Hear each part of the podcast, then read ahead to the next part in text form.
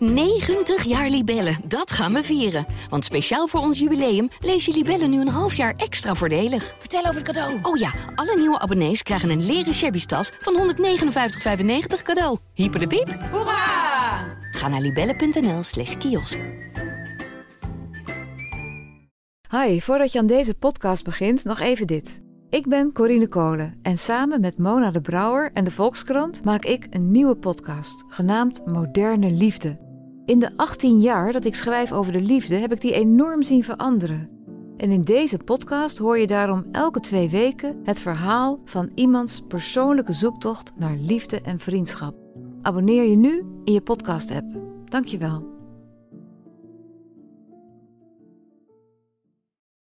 Ja, mijn naam is Gijs Groenteman. Ik zit niet in de archiefkast op de redactie van de Volkskrant.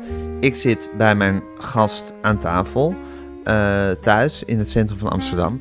Zij is journaliste. Zij kwam ooit in het nieuws omdat ze zich eh, hevig te tegen de, zoals het noemde, slutshaming.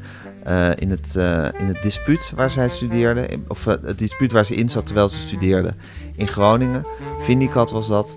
En ze had een, ja, leuke, open, eh, vrije seksuele moraal en werd dan onmiddellijk in een hoekje geduwd alsof ze een slet was en niet, eh, niet deugde. Daar stelde zij zich tegen in het verweer en dat geweer. En dat werd haar door haar eh, dispuutgenoten helemaal niet in dank afgenomen. Dat werd een grote affaire. Inmiddels is zij volbloeds feministe, daarvan helemaal overtuigd. En schreef daar net een heel interessant boek over. Waarin ze 14 vrouwen interviewde over hun seksualiteit. En zelf een boekje open doet over haar eigen seksualiteit. Hoe het beter kan, hoe het was, hoe het is, hoe het moet, enzovoorts. Ehm, ik zit bij haar aan tafel. We gaan lekker over seks praten en over alles wat erbij hoort. Luister naar mijn gesprek met Milou Delen. Milou, waar zijn we? We zijn in mijn huis Ja? in Amsterdam. Ja. Hou je van dit huis? Ja, echt enorm. Ja? Hoe lang hier woon je er al? Sinds 1 december. Ja, ik woon hiervoor op de Korte Leidse Dwarsstraat. Ja. Dus in de negen straatjes. En ik eh, ben hier zo gelukkig. En hoe komt dat? Ehm, Het is een beetje een huis van iemand, vind ik, dus die de hoofdrol speelt in een romantische komedie. Zo in de binnenstad van Amsterdam. Eh, het ziet er heel leuk uit. Je hebt een heel leuk uitzicht. Je bent zo in het midden van alle Ja. drukte. ja, ja, ik ben hier zo... Ik vind die ramen ook zo'n mooie grote Amsterdamse ramen. Ja, Ik loop nog steeds elke... Daar, ik heb hier een muurtje in laten bouwen, want eigenlijk was dit één grote ruimte. ja. En nog steeds loop ik hier elke ochtend zo uit mijn bed. Loop ik echt zo door, door dit huis. Ja. Huppelend. Helemaal tevreden. Ja, want ik woon hiervoor op de Korte Leidse Dwarsstraat. En dat was nog kleiner dan dit. Dus Ja. daar had ik bijvoorbeeld geen bank en geen kast. En dat was echt heel klein. Ja. was ik ook wel blij, maar dat was ik gewoon ontgroeid. En toen kwam dit. Ja, dit vind ik gewoon En geweldig. hier heb je alles. Hier heb ik alles. En het voelt ook... Mensen die hier binnenkomen, die mij kennen, zeggen meteen... Hut, heel erg jouw plek. Zeg maar, ik adem deze plek. En Ja, waar jij- zou hem dat in zitten? Ik Ja. snap denk ik, was, ik ken je niet. Ik bedoel, Ja, ik- heb je nu voor het eerst ontmoet. Maar waar zou hem dat in zitten dat, dat, dat deze plek jou ademt? Ik denk door de kunst en de spullen en de boeken.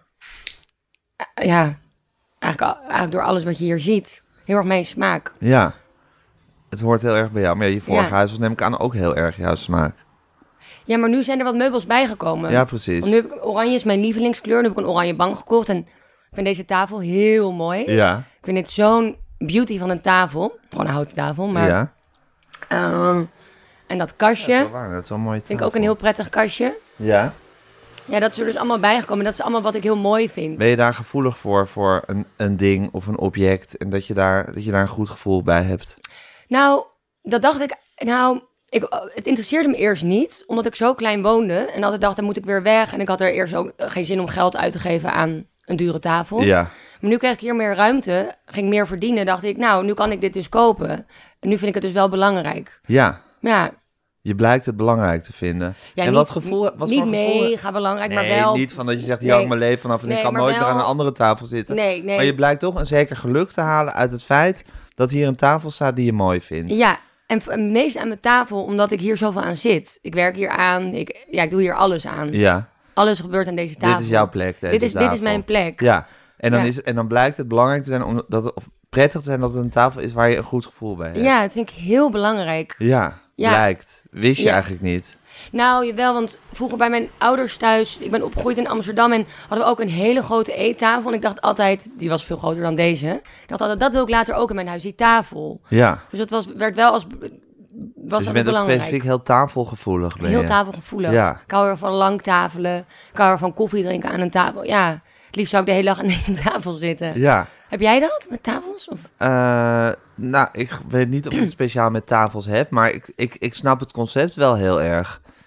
Jij Ja. ziet heel erg de tafel als het soort het centrum van, van waar het gebeurt. Ja. Daar gebeurt het aan. Ja, En dat moet goed zijn. Precies. Die tafel moet goed zijn. nu vind ik alleen nog de stoelen, moi. Die kunnen wel mooier, maar dat vind ik minder belangrijk. Ja. En waarom, is deze waarom bevalt deze tafel je zo? Omdat ik hem zo mooi vind. En ik vind hem Ja, wel maar wat goeie- vind je er mooi aan? Ja, dat hij zo glad is en dat houten. En die poten vind ik ook mooi.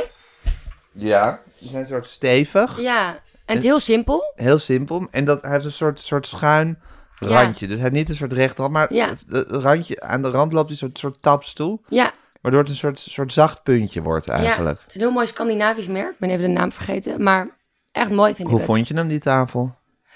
Eh, nou, mijn zus heeft hem ook. Oké, dus en mijn wist- ouders volgens mij hadden, hadden hem ook. Oh, dit is een soort classic in jullie familie. Ja, ja. Iedereen heeft deze tafel. Iedereen heeft deze tafel. Alleen mijn ouders dus nog niet. Ja, maar de, ja. Dus het voelt ook een soort Beetje als... vertrouwd. Vertrouwd. ja, en ik vind het zo mooi dat, eh, dat hij hier zo precies in dit kleine stukje precies daar zo in past. Ja, Ongeveer. ja. Dus het is en de tafel waar je eigenlijk al je hele leven alles aan doet. Ja. Of aan zit en, en momenten aan beleeft. En dan past die ook nog zo perfect In mijn huis. in je huis waar je ook nog eens zo gelukkig bent. Ja, Ja. precies. Dus alles komt op zijn plek. Ja. Op zijn plaats terecht. Wat je zegt. Ja, ik vind het prachtig. Ja. Vind jij het een mooie tafel? Ja, ik vind het een hele mooie tafel. Ja. ik dan snap naar je precies, Ik doorsturen. snap precies wat je bedoelt. En hij is heel soort, soort stevig en toch ook soort sierlijk. Ja. Ja, want deze tafel gaat gewoon... Ik kan niet voorstellen dat ik deze tafel ooit weg zou doen. Deze Nee. tafel neem ik gewoon overal mee naartoe, waar Ja. ik ook nog ga wonen. Ja, nou misschien moet je op een gegeven moment een groter formaatje Ja. hebben. Die zijn er natuurlijk ook. Ja. Ja, Zie je jezelf eigenlijk met een gezin voor je ooit? Denk je daar wel eens Eh, over na? ja daar denk ik wel eens over na. Is ja. het een impertinente vraag eigenlijk? Ik Ja. werkte vroeger veel voor damesbladen, voor de Jan en zo. En dat was een soort regel, dan moest je altijd naar mensen hun kinderwens Ja, wel vragen. als grappig ze dat nog dat de eerste vraag is. Wel, ik heb een boek geschreven en volgens mij gaan we het er ook over hebben dat dat de eerste vraag is.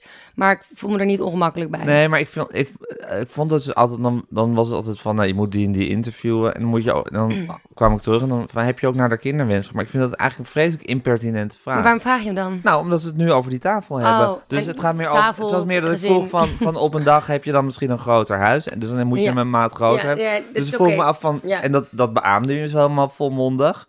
Dus ik dacht, en visualiseer je jezelf dan ook weer zoals je zelf ook dus in dat gezin aan die tafel Ja, zat. maar er wordt inderdaad bij vrouwen altijd meteen naar een kinderwens gevraagd. Maar mij niet uit. Ehm, Ja, maar dat, dat wilde ik dus dat ik dat eigenlijk een impertinente vraag vind, maar dat het, het, rolde, het balletje rolde zo. ja, Ja, ja, soms rolt het balletje zo. ja. Ehm, ja, dat zie ik wel voor me. Ja, ja, ik ben nu 26. Dus ik zou het nu nog niet willen. Maar ik zie dat wel voor me. Mijn zus heeft net een eh, kindje gekregen. Die is twee. En ik vind het wel echt het leukste ooit. ja.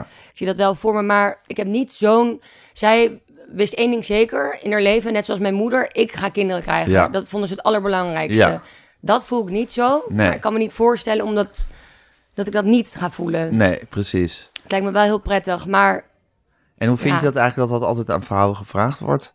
Ja, of ze een kinderwens hebben? stom. Waarom is dat eigenlijk stom? Omdat er van altijd wordt uitgegaan dat elke vrouw moeder wil worden. En dat Waarom? Je vraagt dan toch eigenlijk naar die kinderwens om, om te vragen of ze, of ze het wil worden? Is, ja, maar zodra je zegt ik wil geen kinderen of nee, dan krijg je altijd, huh, waarom niet? Huh, huh? Ja, Krijg je altijd gekke blikken. En ja, dat is wel, bij mannen wordt daar niet... dan moet je dat echt zo, daar moet echt uitleg bij gegeven ik vraag me worden. af, als ik een man was geweest, had je dan hetzelfde gevraagd? Misschien niet, maar misschien hadden we ook niet dat gesprek over die tafel gevoerd. Waar had je het dan over gehad? Nou, eh, weet ik niet, maar we kwamen op die tafel dankzij jou. Jij, jij betuigt je liefde over die, Oh, ja. ta- over die tafel. En ik vraag me af of er veel, er zouden, zullen er heus zijn, maar of er, of, het, of er veel mannen zouden zijn die, zou maar zeggen, zo hun liefde voor hun tafel waar we aan zaten zouden betuigen. Ja, nou, vast. Ja, vast. Maar, Ja. ik, maar eh, ik stel het me toch minder makkelijk voor. Oh ja? Ja. Oké.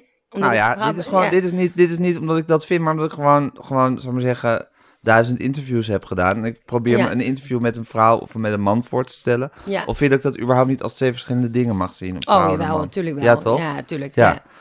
Ehm, en ehm, ja, ik stel me voor, ik bedoel, ik laat een interview altijd gewoon beginnen. Dus ik bedoel, kijk gewoon waar, waar het, hoe het loopt. Ja. ja, nu liep het ook zo, want jij begon inderdaad over smaak. Of waarom is dit een plek voor mij? Ja. En toen zei ik, omdat die spullen erin staan. Zeker. En toen begon je Ja. heel actief die tafel te Ja, ja, prijzen. ja, maar daar sta ik ook nog steeds helemaal achter. Ja. ja. Ja. Ja. Dus nee, dus eh, ja, ik zie dat wel voor me. ja. Lijkt me wel heel leuk. Eh, en, maar eigenlijk is de vraag natuurlijk niet eens zo kwalijk van... Goh, visualiseer jezelf dan ook ooit met een gezin aan die tafel? Als dan inderdaad de reactie erop als je zou zeggen van... eh, oh nee, daar moet ik niet aan denken. Want het gaat dan eigenlijk om dat ik, dat ik dan zou zeggen... Huh, waarom niet? Of zo. Toch? Dit- Nou, het gaat er ook wel toch over, vind ik, dat er bij vrouwen vaak wel eerder wordt gevraagd dan naar mannen. ja, ja. Dus, dat- bij een man zou ik dan misschien vragen van... eh, en stel je dan voor dat je dan tegen die tijd tien boeken hebt geschreven. Ja, exact. En bij jou vraag ik dan van, Ja. van stel je voor dat je, dat je Ja, later met een groot gezin aan die tafel precies. Dus ik heb ook hier aan deze tafel heel veel geschreven. Of ik schrijf veel aan deze tafel. Ja. Maar goed, dat, eh, fijn dat je het inziet. Ja, ik weet niet of ik het inzie. Ehm, ja, lastig. Jawel, toch? Ja, Want je zegt dat net zelf ook. ja, maar ik probeer bij me na te gaan of ik zo, of ik zo seksistisch ben... dat ik, dat, dat ik dan dus bij, bij een man iets anders zou vragen. Of het nou... Ja. Ja, is het moeilijk om bij jezelf seksisme te erkennen? Ehm.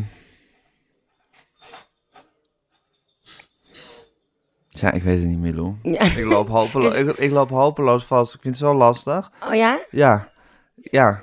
Ik zou nu als, als, als test wou ik dat ik dat ik simultaan ditzelfde interview met, met, met de mannelijke versie Ja. van jou had gedaan en kijken of het dan totaal anders Ja, was gelopen. ja. ja, Ja, dat weet je niet. ja.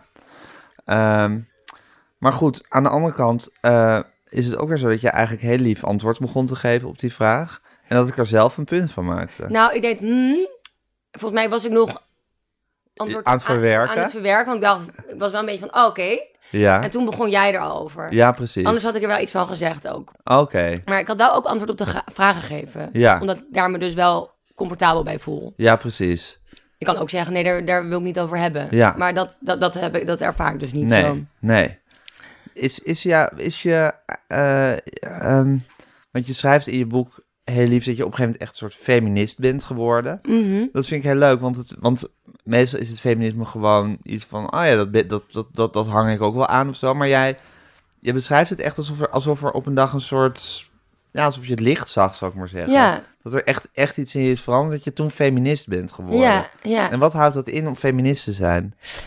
Nou, ik denk dat ik het inderdaad wel altijd in was. Want Ja. ik was altijd wel voor gelijke rechten tussen mensen Ja, en kansen. ja, Dat is wat het voor mij inhoudt. Maar ehm, ik kreeg gewoon zelf te maken met seksisme voor het eerst zo duidelijk... dat ik dacht, mm, dit is puur omdat ik vrouw ben.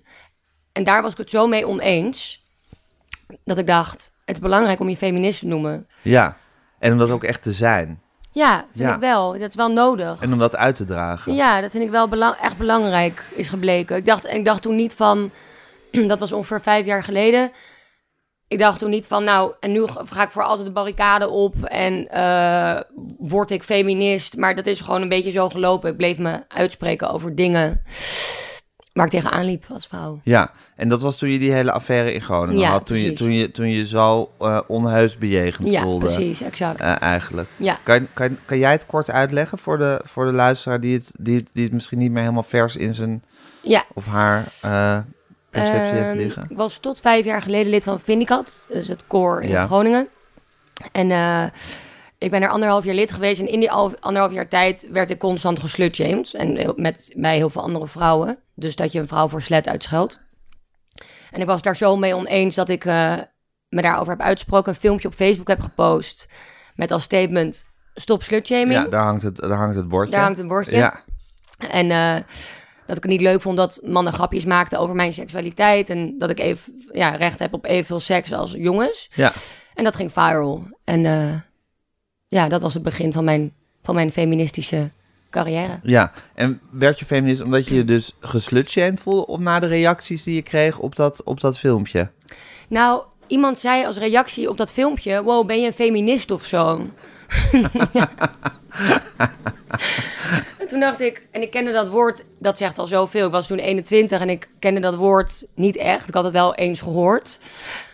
En toen ging ik het opzoeken, ben ik het gewoon letterlijk gaan googlen. En toen dacht ik, ja, nou, dat ben ik. En er stond volgens mij letterlijk voor gelijke rechten en kans tussen man en vrouw. En toen dacht ik, nou, van, ben ik vanaf nu feminist. Ja, het lastige is natuurlijk dat welke, ik maar zeggen... eh, ja, misschien in allerlei vergaande religies... is er nog een soort heel streng onderscheid... tussen wat mannen mogen en wat vrouwen mogen. Maar laten we zeggen, welke enigszins vrij opgevoede geest... zal daar niet voor zijn... voor dat gelijke recht tussen mannen Ja. en vrouwen... Het wordt natuurlijk pas, het, het, is, het is pas ingewikkeld als je gaat inderdaad de consequenties daar echt diep van gaat doordenken. Ja, Eigenlijk zoals waarom ik jou die vraag stelde en of ik die ook aan een man zou stellen. precies. Maar dan zit hem, dat zit hem dan dus echt in de, in de nuances, die Ja. natuurlijk wel heel bepalend kunnen zijn. Precies, juist. Ja. Want dat gebeurt juist heel vaak. Subtiele of geïnternaliseerde seksistische dingen die je niet per se doorhebt. Dus die vraag die jij mij net, net stelde. Exact, ja. Precies. Dus Ja. dat moeten we... Noem jij jezelf feminist? Ehm, nou, ik ben, ik ben sowieso in het feminisme opgevoed. Mhm. Omdat mijn, mijn moeder dus op, op diezelfde barricades als jij stond in de Ja. tijd. Ehm, of zij nou echt een diep doorvoelde feminist is, dat vraag ik me wel eens af overigens. Eh, maar dit geheel terzijde. Mhm. Ehm, ik zou mezelf een feminist noemen, omdat ik het natuurlijk... Heel, omdat ik het, je, je kan het er niet mee oneens zijn. Ehm, tegelijkertijd ben ik me misschien veel te weinig bewust van allerlei seksistische dingen. Vind ik, eh, vind ik seksisme mis- misschien soms ook wel weer... eh, ja, of tenminste... Ik vind het moeilijk om een radicaal... Of, nou, het is eigenlijk niet radicaal. Want je, je, bent, juist, bedoel, je bent juist niet radicaal, omdat je gewoon de consequenties logisch doordenkt. Dus het is onzinnig om dat radicaal te noemen. Ja, Maar ik ben misschien niet altijd bereid om die consequenties zo logisch te doordenken. Zou ik zeggen, om dus altijd die regels te volgen. Ja om maar... gewoon recht ja. in de leer te zijn. Maar het is niet dat als je feminist noemt dat je dan daar... Dat je dat helemaal niet meer... Ik kan ook nog wel seksistische gedachten hebben. Ik bedoel... Ja, maar ik vind het dan dus te makkelijk om mezelf feminist te noemen. Oh, ik vind juist dat je het te moeilijk maakt voor jezelf Oké. om feminist te noemen. Oké. Ik denk juist, als je bent voor gelijke kansen en rechten, dus met- dat is mijn definitie, Mhm. dan ben je feminist. Ja, ben ik. Maar ja, precies. Ja. Nou, dan ben Maar ik een ja, feminist. ik denk dat veel mensen zeggen wel eens, ook vrienden van mij die er minder mee bezig zijn, die ik wel heel feministisch vind, die zeggen dan ja, maar ja, ik ga niet naar eh, protesten en ik eh, spreek me er niet actief over uit. Maar dat is volgens mij het verschil met een activist zijn, Ja. toch? Nee, maar ik bedoel meer of ik het... Dat ik die vraag aan jou stelde... Ja, of ik dat nou erg moet vinden van mezelf. Of ik dan moet denken van, nou, slecht Gijs, dat je niet mogen vragen. nee, maar kijk, het ik is denk niet- ook weer, ja, Kijk, dit is nu. Kijk, als het één keer gebeurt, wat nu gebeurt, dan zou het niet zo erg zijn. Maar dit is natuurlijk wat de hele tijd bij heel veel vrouwen gebeurt. En dan wordt het wel een probleem. ja, zeker. Toch? Ja. Ja, Ja. ja. Maar ik weet niet of, ik- of ik mezelf nou moet, wil, wil geesten om dat nooit meer te vragen of zo. Daar kan je over nadenken. Ja, daar kan ik wel over nadenken. Ja. Eh, maar jij vindt dus eigenlijk dat ik het mezelf makkelijker moet maken om, mez- om een feminist Ja. eh, te noemen. Dus ik moet, Ja. moet er niet zo moeilijk over doen als ik gewoon dit vind, dat mannen en vrouwen gerei- gelijke rechten en kansen was het? Ja. Ja, moeten hebben. Ja. Dan, ben- dan ben je een feminist. ja, in mijn ogen, ja. Ja, precies. Ja. Maar dan zijn dus heel, heel, heel veel mensen wel feminist eigenlijk. Ja, en de definitie van feminisme wordt ook steeds breder. Dus Ja. dit is welke definitie ik begon. Maar nu heb je dan ja, intersectioneel feminisme. Ik weet niet of je weet wat dat is. Nee, leg eens uit. Dat is dat je positie in de maatschappij niet alleen wordt bepaald door je gender, maar Ja. ook door je huidskleur, door je sociale klasse, seksuele voorkeur. Ja, ja een kruisbegrip eigenlijk. Oké, dus dan is feminisme gewoon alle, alle Ja, veel soorten. breder. soorten onge- dan heeft het niet met man-vrouw per se te maken. Nee, niet meer alleen. Nee. Ja. Vind je dat dan goed eigenlijk? ja, dat denk ik wel. Ja, want je kan natuurlijk, als je puur kijkt naar man-vrouw, je kan wel, je kan ook een zwarte transman zijn en een hele witte, hoogopgeleide hetero vrouw. En dan heb je het als vrouw misschien veel beter voor elkaar. Dus dan, ja, dus dan is het ook goed om verschillende hokjes of eh, eh, kruisbegrip denken mee te nemen daarin. Ja, Snap je? ja, snap ik. Ja, Ehm, maar het is misschien ook wel weer veilig om je gewoon met één groep over één ding kwaad te kunnen maken. Want ja, jij bent dan een witte eh, vrouw. Ja, eh, en je hebt het misschien weer veel makkelijker dan een, dan een zwarte homoseksuele man. exact. Maar het is misschien wel rustig als jij gewoon je dan voor de vrouwenzaak kan blijven inzetten, Ja. vind ik. Ja, Toch? Ja, dat wordt in de, volgens mij zitten we dus in een feministische golf. En vinden dus steeds meer mensen dat je... Waar moet je daarom lachen? Ja, omdat je zegt, volgens mij zitten we in een feministische golf. Dat voelt zoals van, ja, dat weet je toch? Of je, ja, dat wanneer vind weet je of je in een Ja, golf dat vind ik zit? gewoon, nou, daarom vind ik het een grappige Ja. uitdruk. Ja, maar ga door. Ja, ik Volgens jou zitten we in een Ik denk dat we in feministische ja, dat golf, denk ja? ik. Ja, dat denk ik wel. Ja. Ja. Ehm, en dat wordt wel steeds meer. eh, dat intersectionele staat wel steeds meer op de voorgrond.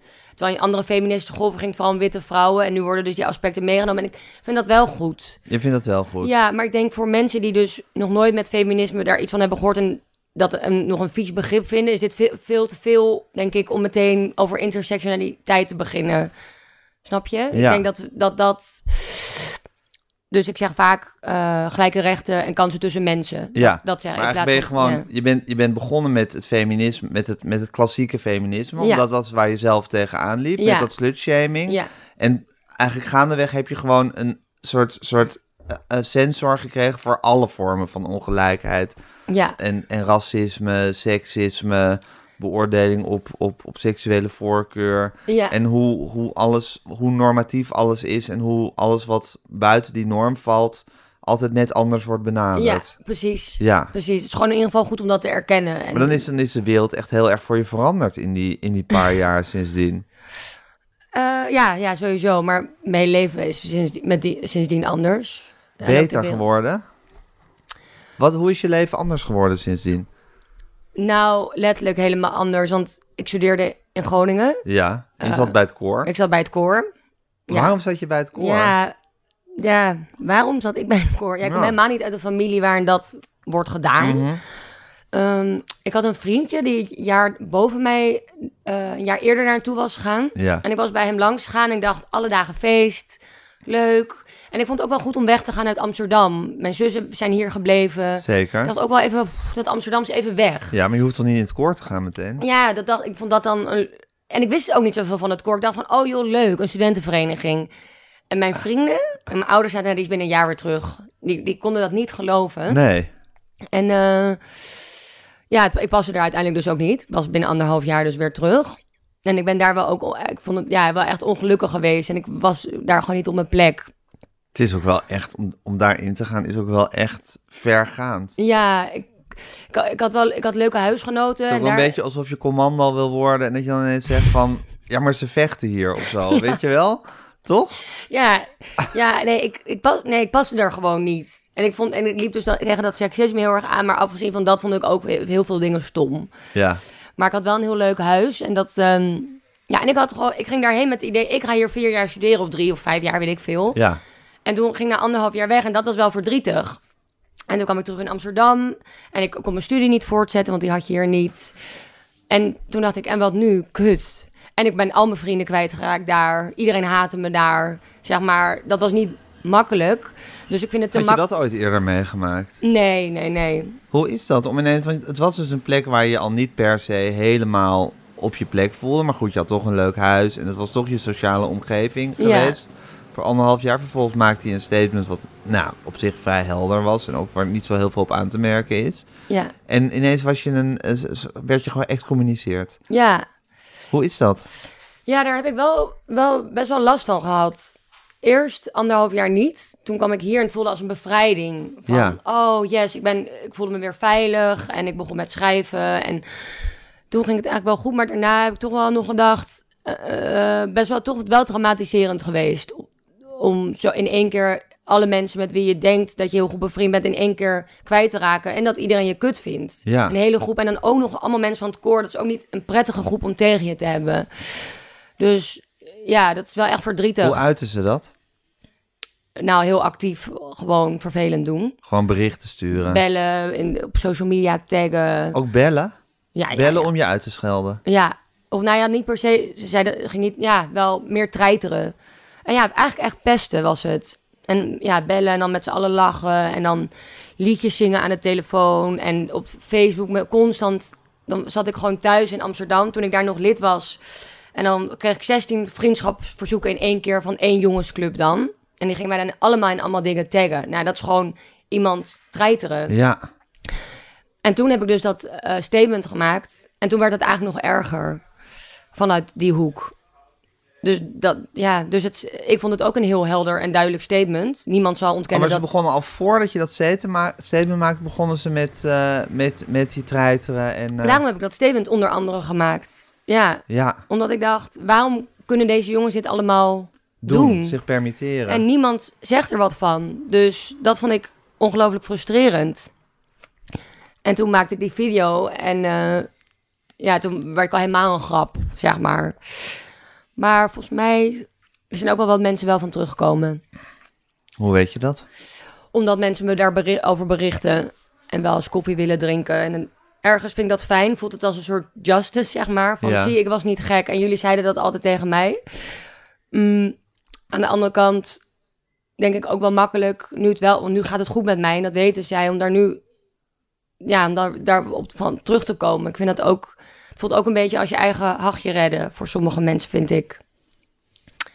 Maar terugkomend op je vraag. eh, ja, toch hebben ze natuurlijk ook het recht om het, om het weer goed te maken, zou ik maar zeggen. Ja, maar ik vraag me af als ik nu werkloos thuis had gezeten en heel ongelukkig was geweest. Of, Of ze het dan ook hadden Dat gedaan. denk ik niet. Nee, precies. Ik ben een succesverhaal, zeg maar. Ja, Ik oh, ik ben door een diep dal gegaan, ik ben uitgekotst en daar heb ik mijn kracht van gemaakt. Zo wordt het gezien. ja, en bovendien ben je nu ook een aanwezig iemand. Ja. Dus je bent, ze, ze worden met je geconfronteerd. Precies. Ja, anders waren ze je misschien gewoon vergeten. Ja, anders was ik misschien juist een treurig verhaal geworden. En Ja. nu, nu is het vaak van, wow, wat zo cool van je. En, eh, en dus dat succes, die succesfactor, en dat vind ik, eh, dat is ook zo. Maar dat betekent niet dat het heel rot is geweest. En ja, dat ik, dat, ja, dat ik het liever niet had meegemaakt allemaal, weet je wel. Dus, maar uiteindelijk is, heeft het dus goed uitgepakt. En dat weten zij.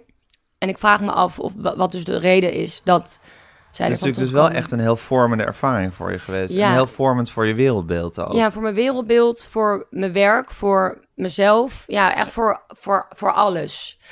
Ik vraag me wel eens af hoe het zou zijn geweest als ik dat filmpje niet had gemaakt. Ja, Nou, dan, dan zat ik daar misschien nog steeds. dan was je veel minder bewust geweest van, eh, van Ja. de dingen waar je nu heel bewust van bent. Ja, ik word daar echt, van dat idee krijg ik echt buikpijn. Van dat, zat ik daar dan nog steeds?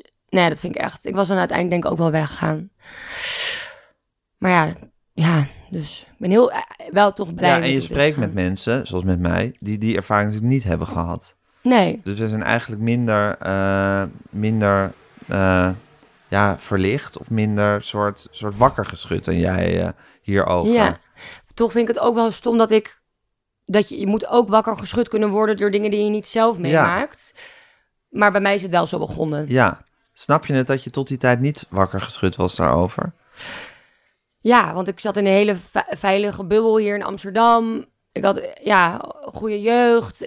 En toen ging ik studeren en toen barstte mijn wereldbeeld. Want ik kwam opeens ja, een heel, ja, heel conservatief en seksistisch instituut eigenlijk. Ja, Waar ik letterlijk terugging in de tijd. Voor Ja. gevoel, hoe er naar vrouwen werd gekeken. ja, Dus daar schrok ik van, want dat was ik niet gewend. ja. Ik bedoel, daarvoor was er natuurlijk ook seksisme en slutshaming. Dat bestond ook allemaal, maar niet op de manier hoe ik dat heb ervaren daar. Dat is echt wel anders geweest.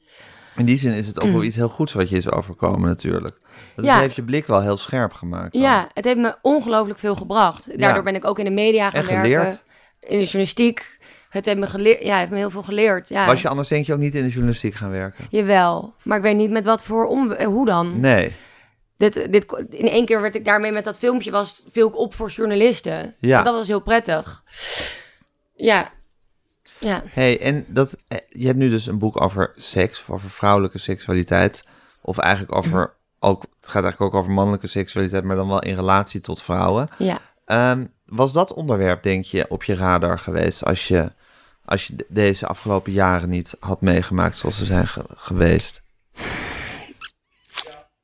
Ja, ik denk Heeft dat wel. ermee te maken? Ja, natuurlijk. Waarom?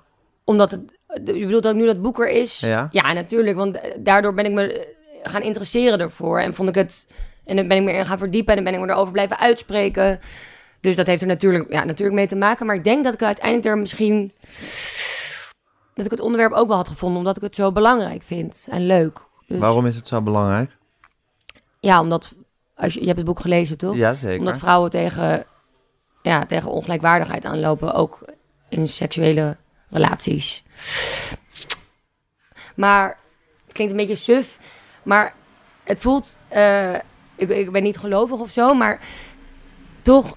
Zeg maar, het, het voelt zo op mijn plek dat ik en in de journalistiek ben gaan werken en dat ik zo dat feminisme heb gevonden. En dat komt wel door die ervaring, maar alsof het zo heeft moeten zijn. Zo logisch voelt het. Ja, Fijn, hè? heel erg fijn. Ja, echt Ja. prettig. Ja, en gek dat een trauma dan dus, dus toch ook heel... eh, ook voelt alsof het zo heeft moeten zijn. Ja. Het is een soort loutering die je hebt moeten ondergaan. Ja, en ik vind het toch ook wel soms... Moeilijk om dat te zeggen. Ja, want het heeft me ook ik. een eh, angstiger mens gemaakt. Of een zwakker mens in bepaalde opzichten, hoor. Ja, Dus, want ik, wat ik net al een paar keer heb gezegd... Ik vind ook dat, dat het zo die toxische positiviteit... en zo van zijn succesverhaal... daar krijg ik ook een beetje de kribbels van. Want heel veel mensen weten niet door welke... Door, ja, door wat ik ook ben heen gegaan. Ja. Maar uiteindelijk... Ja, heeft het, het- ja, het heeft echt wel goed uitgepakt. hey, en er zit wel een soort zendingsdrang in jou, hè? Ik bedoel, je hebt een punt en dat wil je ook... Je wil het ook gewoon ons allemaal... Of je wil, je wil dat er iets... Je wil, je wil dat punt ook maken. Ja, Ja, en dat moet niet, dat moet niet vergeten worden. nee. Nee. En die vrouwelijke seks... Want je hebt dus 14 vrouwen geïnterviewd. Ja, eh, bekende vrouwen. eh, variërend van, eh, nou, van, van heel erg in de openbaarheid met, met seks bezig. Zoals, weet ik veel, Helene van Rooyen bijvoorbeeld. Tot iemand die gewoon, of niet gewoon, maar die zangeres is. En die je er verder nooit heb, over hebt gehoord, zoals Birgit Lewis. ja. En dan nou, alles, alle, alles ertussenin. En ehm, eh, deelde, je ging ze interviewen, deelde zij jouw, eh, jouw, jouw eh, bevlogenheid om daar inderdaad, om dat punt eens even te gaan maken over vrouwelijke seksualiteit. Nou, ze hebben allemaal dus ja gezegd. Dus Ja. in die zin... Ja, maar ook, want je schrij- beschrijft in het begin heel nauwkeurig over waarom ze ja zeiden. ja, En het was ook zo van, ik vind het ook wel eens goed om gewoon zelf een keer open te zijn over iets waar ik altijd nogal gesloten over ja, ben. wat je net zei, ik, de, de helft denk van de vrouwen, ik zit even naar de cover te kijken, eh, had ik er al vaker over gehoord. Maar ik wilde niet alleen maar vrouwen Nee. die over seks praten, want dan is het een beetje, ja, dat weten we wel. Ja. En juist die namen, zoals Birgit Lewis, Tjitske Reininga, Steen, eh Steen en Hollander, die maken je denk ik juist extra nieuwsgierig, omdat je hen er nooit over hoort. Ja. En daardoor, ik wist van tevoren nul wat zij zouden gaan zeggen. Nee. Terwijl bij Helene van Rooyen weet je dat natuurlijk wel iets eerder al, want die weet, Ja, die ja, die tenminste al een heel seksdagboek Ja. geschreven. Sommige mensen zeiden tegen, tegen mij, maar je gaat toch niet Helene van Rooyen over spreken? Dacht ik, dat zou, hallo, tuurlijk spreek ik haar. Zij heeft zoveel werk gedaan en doet zoveel werk voor vrouwen en seks. Ja, Nee, dat zou raar zijn om haar niet te spreken. ja. Wat vond je van het boek? Wat? Nou, ik vond het eh, eh, fascinerend. Ik vond het sowieso... Ja, ik vond het eigenlijk vooral... Zou ik zeggen, hoe vrouwen tegen mannen aankijken... of hoe, hoe mannen zich blijken te gedragen... vond ik wel weer schokkend. Eh, ehm, ja, goed, ik wil mezelf niet, niet heel bijzonder maken of zo... maar ik denk, Jezus Christus, mannen... denk ook eens een beetje aan een vrouw... als je seks aan het... Aan het eh, bedoel, dat vind ik gewoon onbeg... Want een- veelgehoorde klacht in het boek was dus dat mannen alleen maar bezig zijn met zelf klaarkomen. Ja, En dat was het. ja, precies. Nou, dat vind ik iets onbegrijpelijks. Daar snap ik echt helemaal niks van. Dus ik denk van, jezus, hoe, hoe kan dat toch? Hoe dom zijn mannen? Dus dat betreft Ja. een heel inzichtrijk boek. Oh, fijn. Ik vond jouw stukjes heel erg leuk. Fijn. Ik heb heel erg genoten van gewoon jouw ontboezemingen over jouw eh, seks. En het is een, eh, het is een, het is een wondere reis door, eh, door de vrouwelijke seksualiteit. Met heel veel verschillende invalshoeken. Ja. Ja. Nou, wat leuk. ja. Wat fijn. En ehm, ja, en tegelijkertijd denk ik ook, want het gaat dan bijvoorbeeld ook over seksuele voorlichting. Over de seksuele voorlichting die jij hebt gehad Ja, zelf. Nou, die vond ik heel erg oké overkomen. In de zin van dat je, dat je ouders, vooral je moeder, heel erg waren van... Want ze, eh, ze heeft nu eenmaal drie dochters. Het is jullie lichaam. Jullie moeten ermee doen en experimenteren en, en, en seks hebben wat je wil. En er, heeft, er is niemand die daar verder iets over te zeggen heeft. Nou, Ja. dat lijkt mij een super eh, uitgangspositie. en tegelijkertijd was je dan ook weer, vond je dan ook weer dat er allerlei, dat ze dan toch dingen beter had moeten uitleggen. Terwijl iedereen, inclusief jijzelf, in dat boek ook zegt van, maar van je ouders, met je ouders wil je er eigenlijk helemaal niet tot in detail over praten. Over wat pijpen is en beffen en hoe dat allemaal precies moet en weet ik veel wat. Dus dat is eigenlijk informatie die je veel beter gaandeweg of uit, uit, uit tijdschriftjes kan halen of zo. Dus ik voelde soms niet helemaal dat ik dacht van, wat is nou, wat, wat is nou als je toch deze, deze seksuele opvoeding hebt gehad, zoals jij hem hebt gehad, Ja, hoe, hoe kan het nog beter eigenlijk? nou, ik vind wel dat. ehm, ik vind wel dat ik meer had kunnen leren van mijn ouders. En dat ik bijvoorbeeld, bijvoorbeeld over hoe, hoe ziet een clitoris eruit? Weet jij hoe een clitoris eruit ziet? Nee, nou ja. Wat, wat denk je? Ja, Ja, ik, heb ik heb net op Instagram Oh, een ja, tatoeage ja, van, van een clitoris op Ja. jouw been gezien. precies deze dus. Je hebt het nu voor alle mannen, heb je hem even op je been, eh, op Ja, je been en ook getekend. voor alle vrouwen, En ook voor alle vrouwen Ja. trouwens. Want heel veel Misschien vrouwen juist voor alle vrouwen. die weten dus niet dat dit een heel groot orgaan is van gemiddeld 8 centimeter, wat dus ook opgezwollen raakt, net zoals een piemel. Ja, Ehm, het is een soort inwendige piemel eigenlijk. Ja, ja, ja, of een piemel, een uitwendige clitoris. ja. ja. Ehm, sorry. Ehm, eh, maar bijvoorbeeld, ik weet eigenlijk niet of mijn moeder wist dat het, dit, dit zo'n groot orgaan was. Maar dat had ik wel meer willen leren. En waar ik ook wel kritisch op ben, is... Mijn moeder zei altijd eh, penetratie... En wat is eigenlijk, wat is eigenlijk het... Wat, wat doe je nu anders nu je weet dat het zo'n groot orga- orgaan is?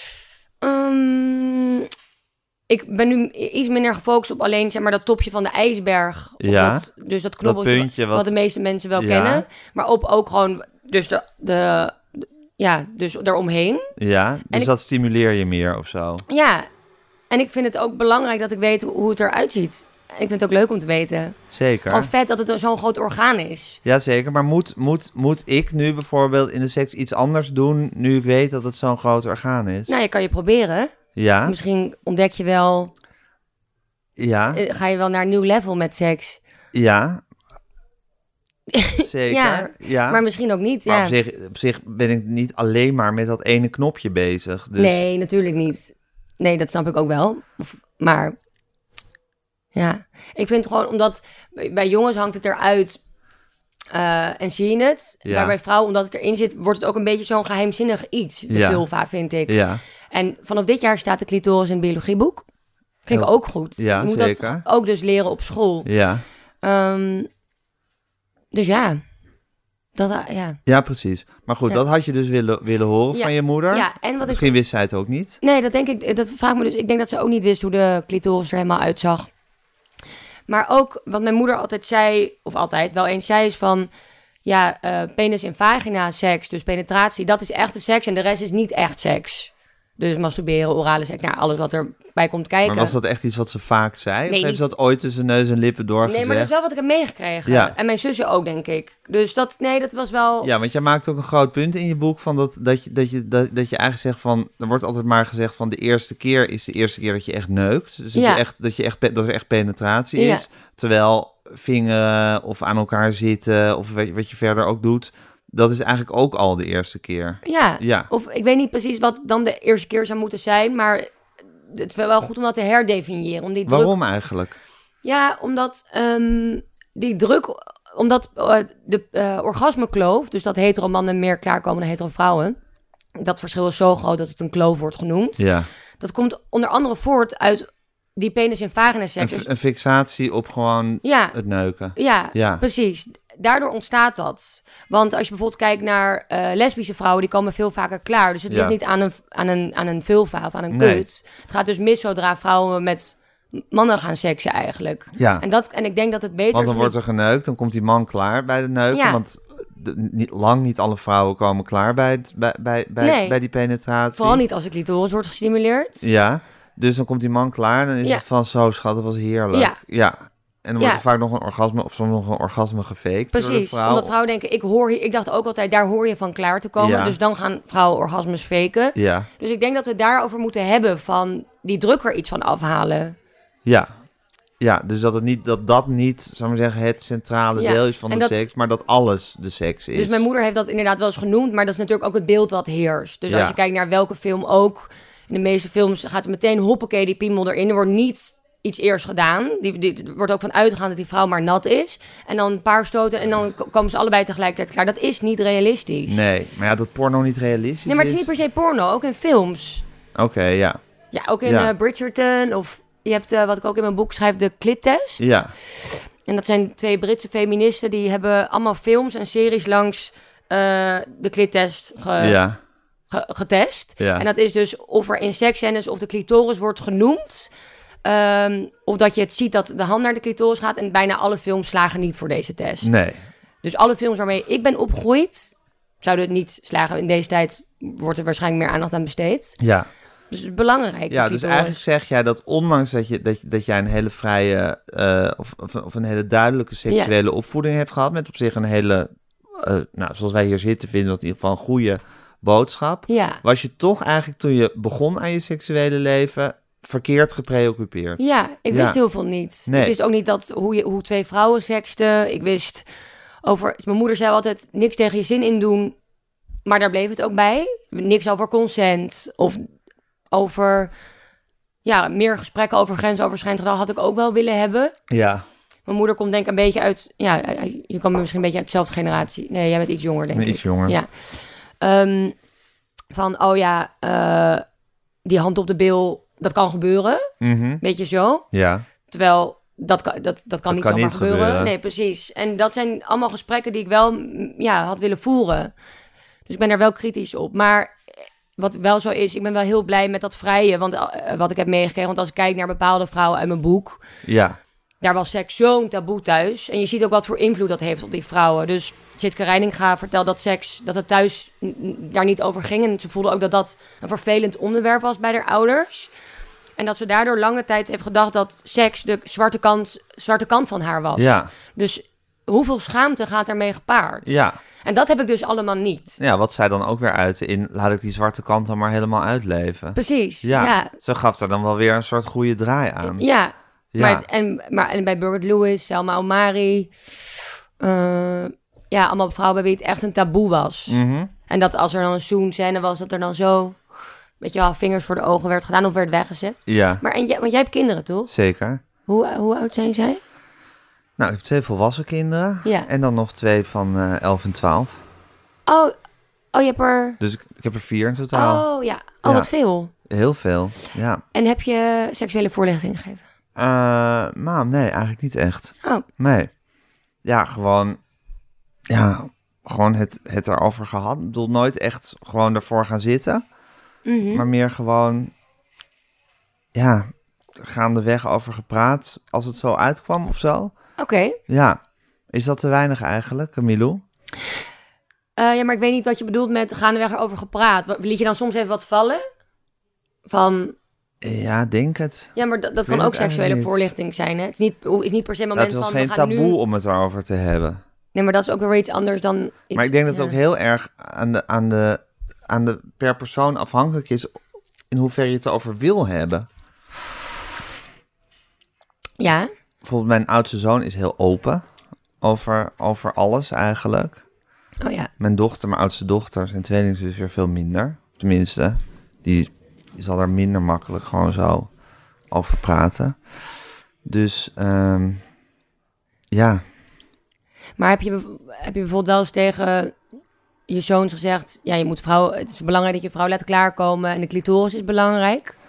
eh, nee, Dat is wel best belangrijk, denk ik. dat ik dat zeg. En dat zijn twee zinnetjes. Ja, Eén.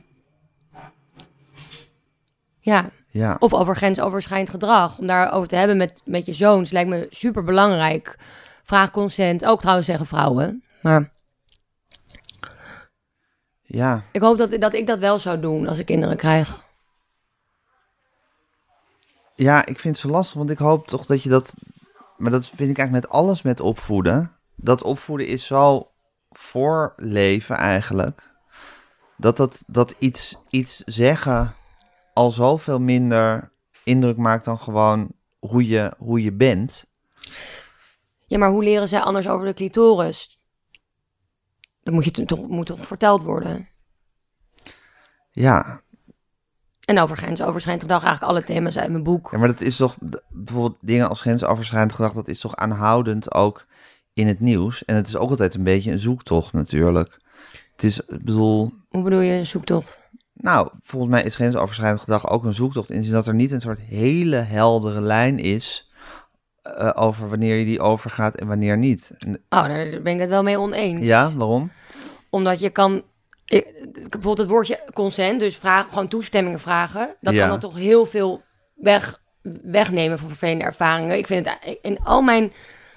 eh, ik denk dat in alle, alle vervelende ervaringen die ik heb gehad... was het heel duidelijk dat, het- dat er mijn grens over werd gegaan. En veel van die situaties hadden kunnen voorkomen worden door consent. Door toestemming te Ja. Ik denk dat het in de meeste, by far de meeste gevallen duidelijk kan zijn. Ja. Dus dan moet je gewoon altijd, altijd vragen... Vind je het goed dat ik nu mijn hand op je schouder leg, bijvoorbeeld? Of je Nou, arm? niet de hele... Ik bedoel, niet bij elke handeling die je doet. Ik doe het niet als ik nu met mijn vriend seks heb, niet bij alles. Maar soms als ik het gevoel heb, hm, Saak, vind je dit wel fijn? Of heb je hier wel zin in? Ja. En vooral als ik voor het eerst ook met iemand seks heb. Wil je dit wel? Ja. Sta je hier... Ja, dat vind ik juist een sexy vraag. Want als je dan allebei volmondig ja zegt... Ja. En als iemand zegt... Ja, hm, maar het gaat ook een beetje over het, het hele traject daarvoor. Zou ik zeggen, in het flirten. Of je dan altijd toestemming moet vragen voor alles. Ja, ik weet niet. Ik vind het moeilijk om... Het hangt ook van de context af en per persoon. En Maar- dat bedoel ik dus een beetje. ja, maar als je twijfelt, gewoon vragen. Ja, weet ik. Maar het is, kijk, dat is, ik bedoel, je hebt het bijvoorbeeld in je boek op een gegeven moment over een blauwtje lopen. Iets wat je, wat je, wat je dan eerst gênant vond en later dacht je van eh, niet geschoten is altijd mis. Ja. En ehm, ja, soms kan je ook gewoon een soort blauwtje lopen als je iemand aanraakt, denk ik. Of als je gewoon iets probeert wat wel of niet altijd gewaardeerd wordt. Ehm, en ik denk van ja, dat, dat is, zit, zit toch altijd een beetje in de. Dat zit nog een beetje in de soort, soort, soort vage zone. Ja, maar eh, bijvoorbeeld, eh, ik heb wel eens aan iemand gevraagd, mag ik je zoenen? Zei Ja. diegene nee. En dat was een, dan een blauwtje lopen, maar daar ben ik niet iemands Maar heb grens je het ook over. wel eens gewoon geprobeerd om iemand te zoenen? Dat je het niet vroeg en dat het toch zoenen werd? Ja, maar dan had ik door dat diegene het ook echt wilde. Ja, dat weet je. Maar dat is dus iets wat je denkt, wat, wat ook een inschatting is. Ja, maar ik denk dat je toch wel vaak wel weet dat iemand echt het heel graag wil. Dat heb ik wel door bij mijn bedpartners. En als ik twijfel... Ja, maar we, kijk, nu heb je het alweer over bed. Maar, nu, Oh ja, maar over, over over het zoenen. En daarvoor. En is het dus ook zo dat, dat, dat, dat, dat, dat vrouwen dus vaak... Dat het ook zo intimiderend kan zijn dat ze geen nee zeggen. En dat, dat, dat je dan... Ja, Ja, ik, ja, ik vind het zo makkelijk. Ik denk gewoon, vraag het gewoon, mag ik, mag ik dat doen? Het lijkt me zo niet moeilijk eigenlijk. Het is eigenlijk zo'n simpele vraag. Dus ik snap het lastiger er niet zo aan. Als je twijfelt, vraag het. En ik heb echt bij ja iedereen dan zeg je dus al als je twijfelt. Ja, of daarvoor. Maar nou kijk, Nee, je ik heb... moet je dus altijd vragen Nou ja. eigenlijk. Want of je twijfelt, ja... Ja, het kan wel zijn dat jij helemaal niet twijfelt... en dat het toch door de ander Maar niet kijk, je hebt gewaardeerd echt wordt. wel door... Als, als ik in een, eh, in, een, in een café sta en eh, ik eh, ben met iemand aan het praten... je bent allebei helemaal zo aan het doen. Je hebt het toch wel door. En als je... Bedoel, je, Ja, maar daarvoor is bijvoorbeeld al dat je of je iemand aanraakt of niet. Of je dat je hand op iemands arm legt. Of. Nou goed, dat is dan misschien. Dat is, daar hoef je geen toestemming voor te vragen, toch? Of wel? Ehm, ik weet niet. Ik- ik-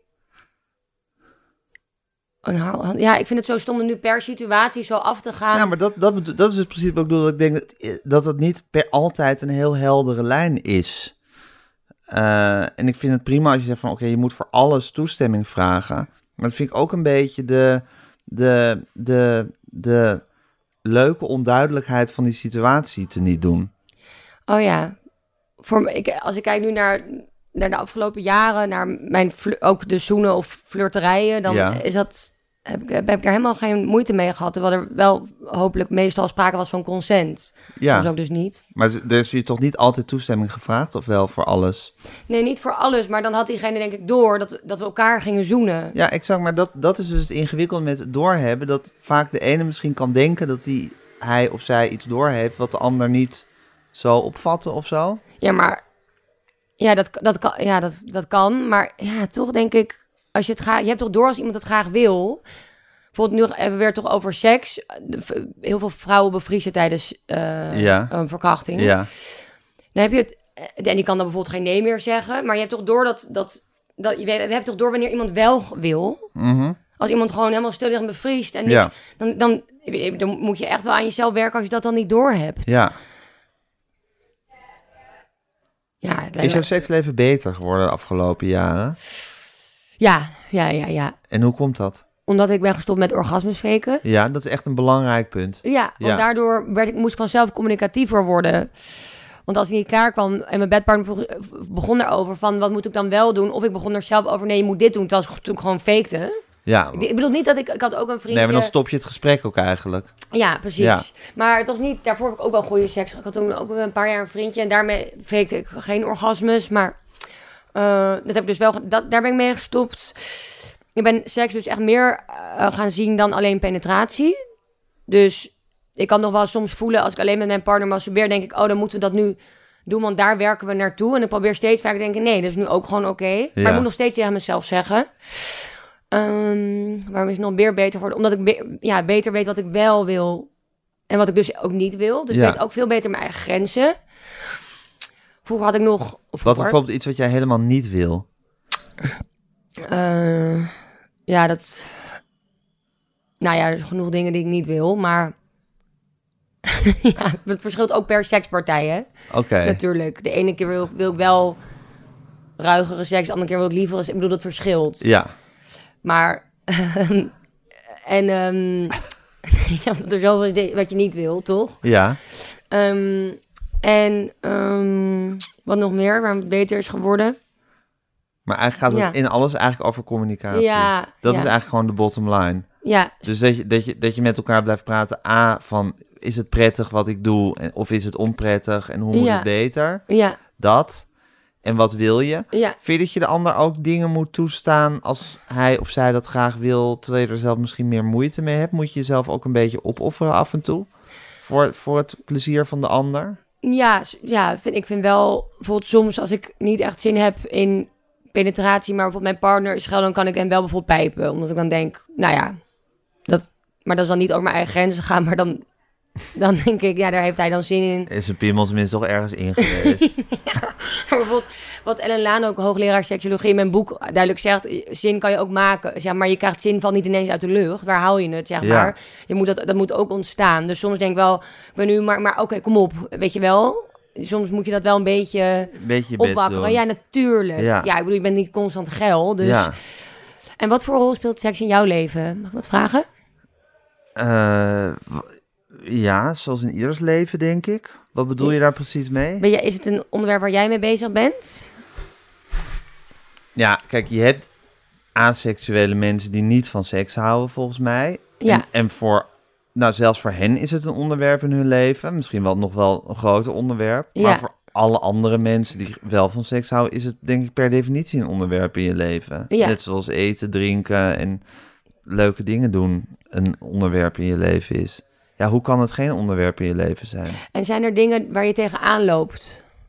Je, in je hebt in het boek gelezen, vrouwen lopen tegen veel dingen aan. Heb je dat? Nou, waar, kijk, wat ik bijvoorbeeld ook opvallend vind van je boek, is dat er wordt eigenlijk heel soort problematisch gedaan over het vrouwelijke orgasme. Of tenminste, het vrouwelijke orgasme wordt een beetje als van, ja, het duurt wat langer en mannen hebben er geen oog voor en weet ik veel wat.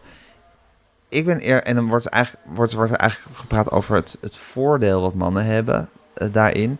Maar ik ben eigenlijk eerst altijd een beetje jaloers op het vrouwelijke orgasme, omdat het volgens mij veel intenser is dan het mannelijke orgasme. Oh heb ja. ik het idee. Het duurt een paar seconden langer of zo. Het duurt lang en het is veel meer, veel meer met je hele lichaam, Oh ja? heb ik het idee. Hmm.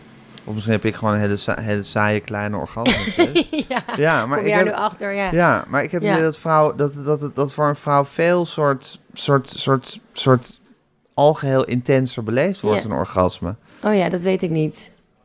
Maar wat wel zo is, er wordt misschien problematisch gedaan over het Heb je dat nooit het idee als je een man klaar ziet komen, dat je van, oh ja, het is best wel een soort... Nou, dat verschilt ook per keer en per Mhm. man. Ja, Er zijn wel mannen die helemaal liggen te kronkelen en... eh, ja, dat- ja, ja. ja? ja. Nou, te kronkelen, nee, maar dat bij vrouwen ook niet zo ervaren. Nee? Maar te, wat bedoel je? Maar gewoon dat het gewoon een soort heel panlichamelijk iets is. Klaarkomen bij een vrouw. Ik weet eigenlijk niet of ik zo'n groot verschil met mannen en vrouwen daarin heb gezien. Nou. Maar er wordt in het boek dus problematisch over orgasmes gedaan, maar dat hoeft, dat hoeft dus niet zo te zijn. Dat, Nee. want, want wat Ellen Laan zegt, eh, die noemt dan een grappig voorbeeld dat ze dan zegt, als ik met mijn mannelijke collega een eh, wedstrijdje zou masturberen, dan wint de man helemaal niet per se. Dus we moeten... En wat ja. is het wedstrijd? Wat is dan de prijs? Ik bedoel, wat, wat is dan de regel? Hoe Nee, snel dat- het moet of hoe vaak het Nee, moet? nee, dus hoe dat vrouwen niet makkelijk, moeilijker klaarkomen dan mannen. Nee. Ik, ik heb eh, daar een tegeltje hangen. Ja. Daar staat ook, ik ging toen, toen mijn vriend, met wie ik nu anderhalf jaar ben, net had ontmoet. Toen, zei toen noemde ik dat voorbeeld. Toen hebben we dus een wedstrijdje gemasturbeerd. Laten we na dit glas masturberen. Wat staat daar? Laat. Laten we na dit glas masturberen. Laten we na dit glas Ja, we masturberen. een glas wijn drinken. Ja. En dat ging dus ook over dat wedstrijdje. Oké. Ja, En jij, jij hebt nu, doet nu eigenlijk minder seks als je gedronken hebt. wat zeg je? Jij doet nu minder seks als je gedronken hebt, toch? Ja, Schrijf je in het boek. Ja. ja. Dat je dus als je aangeschoten of dronken bent, vind je het eigenlijk minder, voel je minder ja, van de seks. ja. Dus dat heeft je seksleven ook verbeterd. Ja, ja, Ja. dat is een goed punt. Ja, Maar waar zit het, waar, want het gaat dus over het bevrijden. Waar zit het aspect bevrijden nou in? Eigenlijk, nou, kan je dat uitleggen? Ja, mm, voor mij betekent het dat ik loslaat eh, beelden of een soort performance loslaat die ik heb meegekregen. Dus hoe ik me hoor te gedragen in bed. Mhm. Dat je bepaalde dingen moet lekker vinden die je bijvoorbeeld in porno ziet. Anale seks of sperma in je gezicht of zo. Wat nog wel leuk kan zijn, maar dat is toch een soort beeld wat je meekrijgt. Ja. En voor mij gaat het bevrijden over wat wil ik en wat voel ik. En wat zijn mijn behoeftes en wensen en grenzen. Daar zit het bevrijden in. Dus van die beelden die je meekrijgt. Ja, Maar dat is hartstikke lastig. ja, Maar daar zit hem denk ik het bevrijden ja. aspect in. En dat zit misschien ook in dingen willen die niet, die juist weer dan niet geaccepteerd zijn. En dingen niet willen waarvan algemeen geaccepteerd dat je ze wel moet willen. Ja. Ja. Ja. Ja, ja, dat is een goed punt dat je maakt. Want dat schrijf ik ook, Ja. volgens mij. Ja. Ja, zeker. Ja. Dus eigenlijk alle kanten op gewoon diep doorvoelen wat je wil. ja. En dat ook, eh, ja, als het even kan zorgen dat je dat Ja. krijgt. Want dat is ook juist leuk in bed. Dat je juist dingen kan doen die... ehm, ook meer fantasieën. Dat kan juist in bed ook. Ja, Dat is toch... Zeker. Ja, ja, dat. En het is natuurlijk iets, het is, het is een hele diepe vorm van contact, die puur, of niet puur, maar die heel lichamelijk is. En die Ja. zo totaal anders dan alle andere vormen van contact Ja. die je...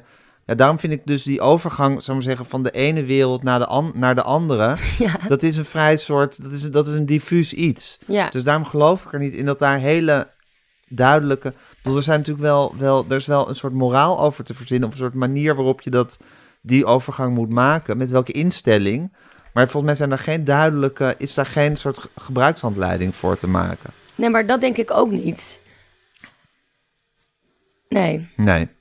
Nou goed, dan zijn we het daar niet over ja, ik dacht, ik ga nu weer over het consent, maar dat heb ik al tien keer gezegd. Ja, dat is waar. Ja. Dat is waar. Ja, precies. Maar dus dan is het gewoon. Dus, het is, dus de bevrijding zit hem in eigenlijk eh, het loslaten van de conventie die erover bestaan. En misschien zijn die conventies juist zo sterk omdat er zo weinig over gepraat wordt. Ja, Dus dat zijn dingen die eigenlijk iedereen soort bij, bijna onderbewust meekrijgt. ja, eh, over hoe het moet. En eh, die, dan, die dan heel vastzitten, ook omdat er eigenlijk niet vrijelijk over gepraat Ja. wordt. het Ja. verbaast me ook dat dit boek er nog niet was. Gewoon verhalen van bekende vrouwen over seks. Ja. Ik heb het in Nederland niet gezien. Nee. En die verhalen hebben we dus nodig voor een realistischer beeld. En er wordt ook wel, worden ook wel goede dingen gemaakt. Natuurlijk Sex Education, de serie. Ja. En er wordt natuurlijk nu veel over geschreven en gemaakt. En dat is denk ik heel belangrijk. En je hebt nu dus het gevoel dat we in een feministische golf zitten. Ja, En dan spreek ik bijvoorbeeld Hedy Dancona. Iemand die natuurlijk, eh zal ik maar zeggen, haar volwassen leven bijvoorbeeld in de jaren zeventig heeft beleefd. ja, Een tijd die volgens mij veel minder preuts was dan deze. ja. En waar bijvoorbeeld heel anders over monogamie werd gedacht ja. dan in deze tijd. Wat vind je wat dat betreft van deze tijd?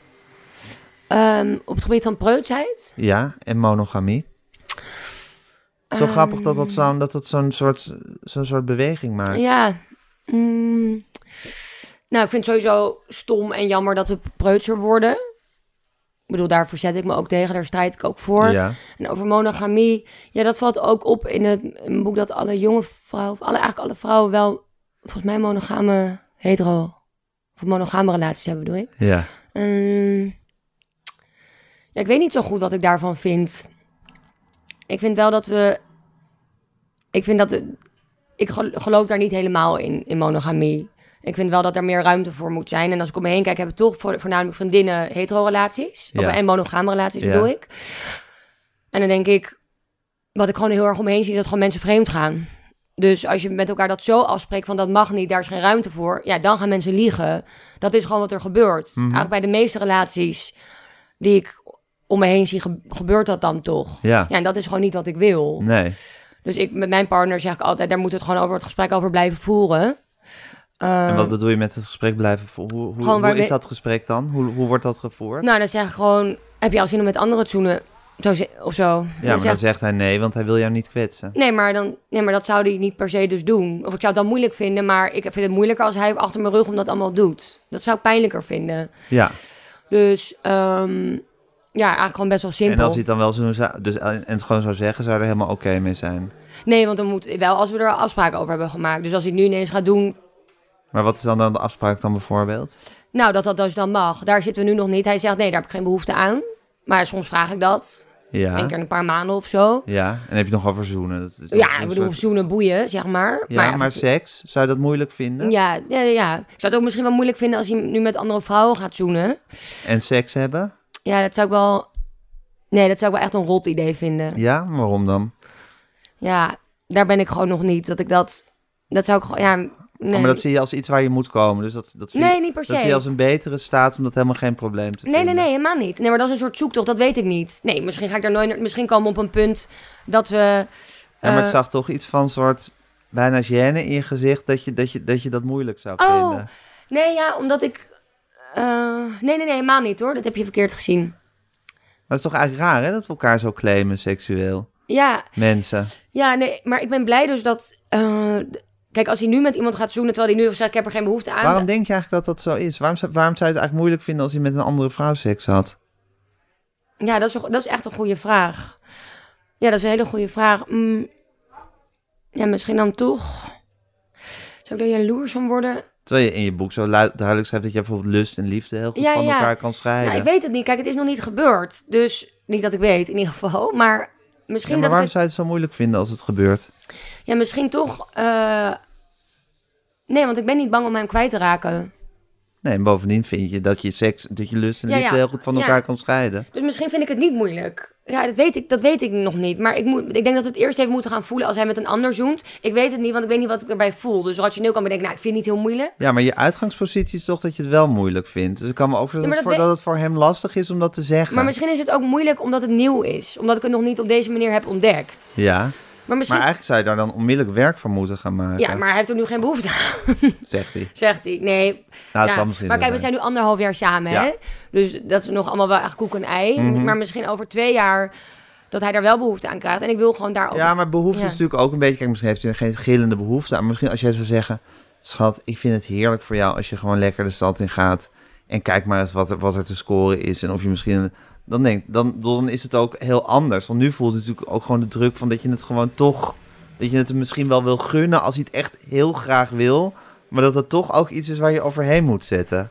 Nou, ik heb wel bijvoorbeeld vorige zomer ging je dan met 30 mensen op vakantie of zo. Of zo op Ja. en toen zei ik van, nee, ik kan daar gewoon zoenen hoor.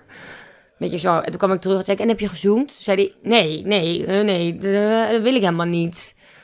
Maar ja, zoenen, maar daar begint het wel. Dus eerst en dat dan aftasten. En misschien komen we op een punt dat we bijvoorbeeld trio's hebben. Misschien komen we op een punt dat we met andere seks, misschien helemaal niet. Blijft het bij zoenen. Ik weet het, niet. ik weet het, ik weet het niet. Dat vind ik ook leuk, om dat zo samen uit te zoeken of zo. Ja. Hoe kijk jij naar monogamie? Wat? Nou, ik, ik, ik vind het heel. eh, ik vind het. eh, ik voel het heel erg bij mezelf. Als in dat ik, dat ik, dat ik denk dat ik heel jaloers ben van mezelf. Oh ja, En dat ik eigenlijk niet snap waarom dat, waarom dat zo is. Waarom je zo jaloers bent. Nou ja, waarom, wat ik nu ook aan jou vraag, waarom, zou, waarom zouden we elkaar toch zo claimen, eh, seksueel gezien? En het is wel zo, ik doorvoel het zelf ook helemaal. Ja. Eh, maar ik snap eigenlijk niet waarom het zo is. Nee, ik ook niet. Want meestal zou ik zeggen... eh, van waarom is het zo moeilijk als, iemand, als je partner met iemand anders seks heeft... Ben, ja, dan, dat je dan vragen hebt zoals ben ik wel genoeg? Of wordt Ja. hij niet verliefd op diegene? Maar daar ben ik in deze relatie niet bang voor met hem. Dus eigenlijk weet ik niet... Ik zou wel vra- afvragen, waarom heeft hij er behoefte aan? Dat is een... Ja, ik ja, weet- maar ja. ja. ja pff. Waarom Maar zou je er geen ja, behoefte aan hebben? maar waarom, waar- waarom denk jij dat je dan... Nee, maar even niet over mij. Ik bedoel, Oh ja. waarom, wa- bedoel, waarom, waarom zou je er geen behoefte aan hebben? Ja, Ja, dat, is, dat vind ik dus het omdat hele... sommige Nee, mensen maar, daar gewoon minder behoefte aan dit hebben. vind ik dus wel een beetje het hele ingewikkelde met seks. Ja. En, dat, en ook met, met, met, met, met hoe, er, hoe er in jouw boek over praat. Dat je zou zeggen, rationeel gezien kan je er duizend dingen over zeggen. Van, ja, natuurlijk moet je dit even bespreken.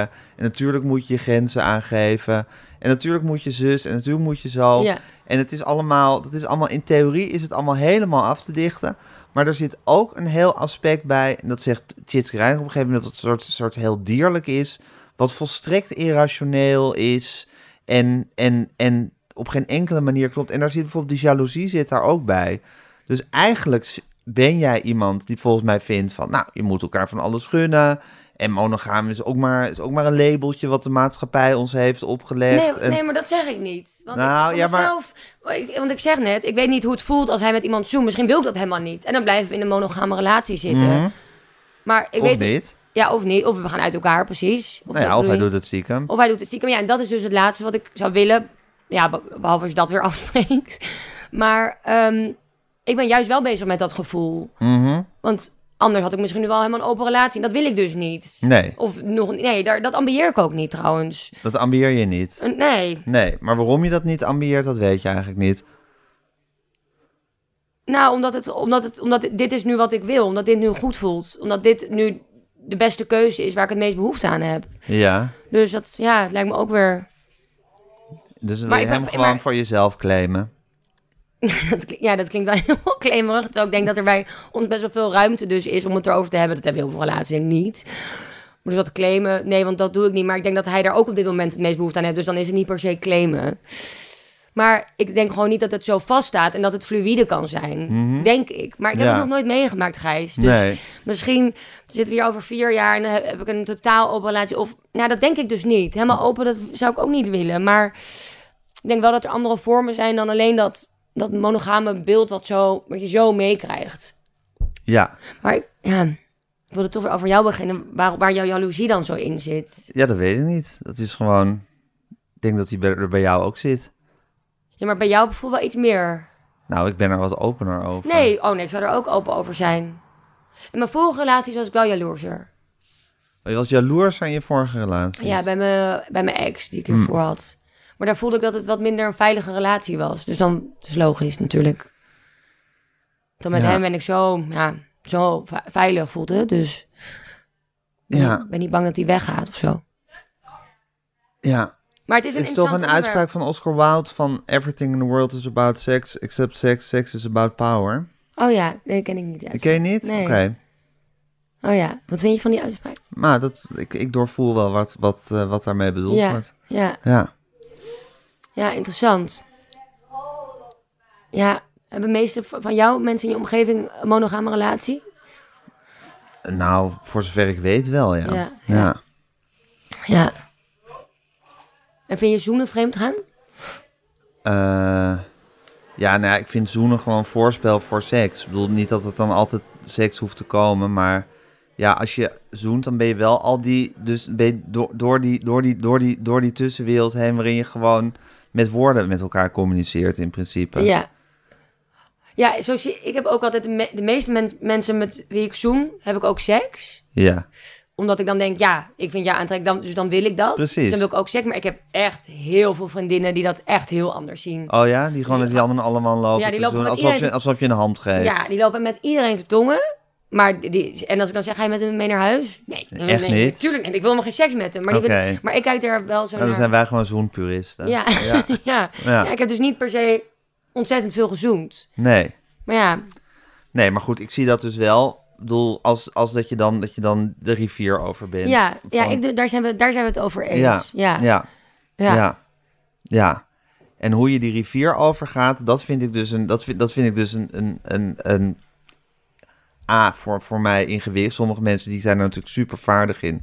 Maar een ingewikkeld terrein en ook een, eentje met, met, met onduidelijkheid omgeven. ja. Hoe dat nou precies gebeurt en wat er dan, wat er dan precies gebeurt. Eh, dat ten eerste. En ik vind dus dat er in, in seks iets heel irrationeels zi- zit, waardoor er eigenlijk überhaupt heel moeilijk is om daar nog regels over te maken. Ja. Maar goed, dat je dus wel. ehm, en ik vind eigenlijk in die, in, die, in die jaloezie zit eigenlijk het interessantste, vind ik. Ja, Wat jou betreft. ja. Oh ja, ja. Oh, heel interessant. Ja, Ja. Ja, hoe dat nou zit. hoe dat maar nou goed, daar zit. komen we niet uit. Nee. Nee. En dat daar toch ook iets in die bevrijding... Er zit ook iets in die bevrijding. Er zit er juist ook weer iets heel erg vasts in. Ja. Ja. verlang je dan toch ook naar, naar, iets, naar iets vasts en... eh, ja. Ja. Ja. Dat je elkaar ook vasthoudt, Ja. in zekere zin. En dat is natuurlijk iets prachtigs en ook iets beklemmends. Ja. Ja, zeker. Ja. Het is wat, hè, Milou? Heb je, Ja, wat ge- heb, je, heb je dingen geleerd van het boek maken? Die je echt nog Ehm. niet, waar je echt nog niet bij stil stond? Ehm, Dat is een slotvraag, hè? ja, dat weet ik. Ehm, nou, eigenlijk het onderwerp waar we het over hebben gehad. Over hoe de eerste keer wordt zien. Over die focus op penis en vagina. Dat zijn wel dingen die ik... Dus eigenlijk, eigenlijk alle thema's waar we het over hebben gehad... heb ik wel veel over geleerd. Ja. En dus dat praten over seks echt nog belangrijker is dan ik dacht. En wat ik ook opvallend vond, was dat, ehm, dat de jonge vrouwen uit het boek meer onder seksuele ongelijkwaardigheid lijden dan de oudere vrouwen. Kreeg ik het gevoel. Maar wat mijn moeder erover zei, ja, maar dan heb je Ellen Laan en Hedy Dancona als oude vrouw. Dat is misschien ook niet helemaal goed Dat zijn wel heel erg geliberaliseerde Ja. vrouwen natuurlijk. Precies. Ja. Dus, maar dat vond ik wel opvallend. Ja. Dus ik heb heel veel geleerd uit elk gesprek, uit elk hoofd. Zou het ook kunnen zijn dat als je wat oudere vrouwen hebt... dat die gewoon al door een heleboel heen zijn gegaan... en wat relativerender over alles zijn geworden? Misschien, wellicht. Ja. Maar ik denk wel dat de opkomst van porno wel echt invloed heeft op heel veel jonge mensen. Dus dat zou een verklaring kunnen zijn wel waarom vrouw, jonge Wat zo vrouwen... alomtegenwoordig en voor iedereen bereikbaar Ja. is tegenwoordig. En daardoor ook heel erg dwingend in je beeld van seks. Ja, en ja. natuurlijk niet het meest vrouwvriendelijke. En ehm, ja, dat denk ik Ja. wel dat het groot, van grote invloed is. Ja. Oké, Milou. Ja, We, Gijs. we ploeteren voort. We ploeteren Er voort. zit niks anders op.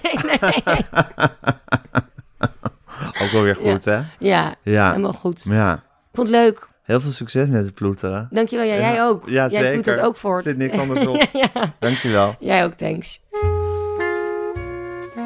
Dit was Met Groenteman in de Kast met Milou Delen. Mijn naam is Gijs Groenteman. Ik maak deze podcast samen met Daan Hofstee. U kunt zich abonneren op alle mogelijke manieren op deze podcast. U kunt ons een mailtje sturen, podcasts.volkskrant.nl. En vooral geef ons lekker veel sterretjes.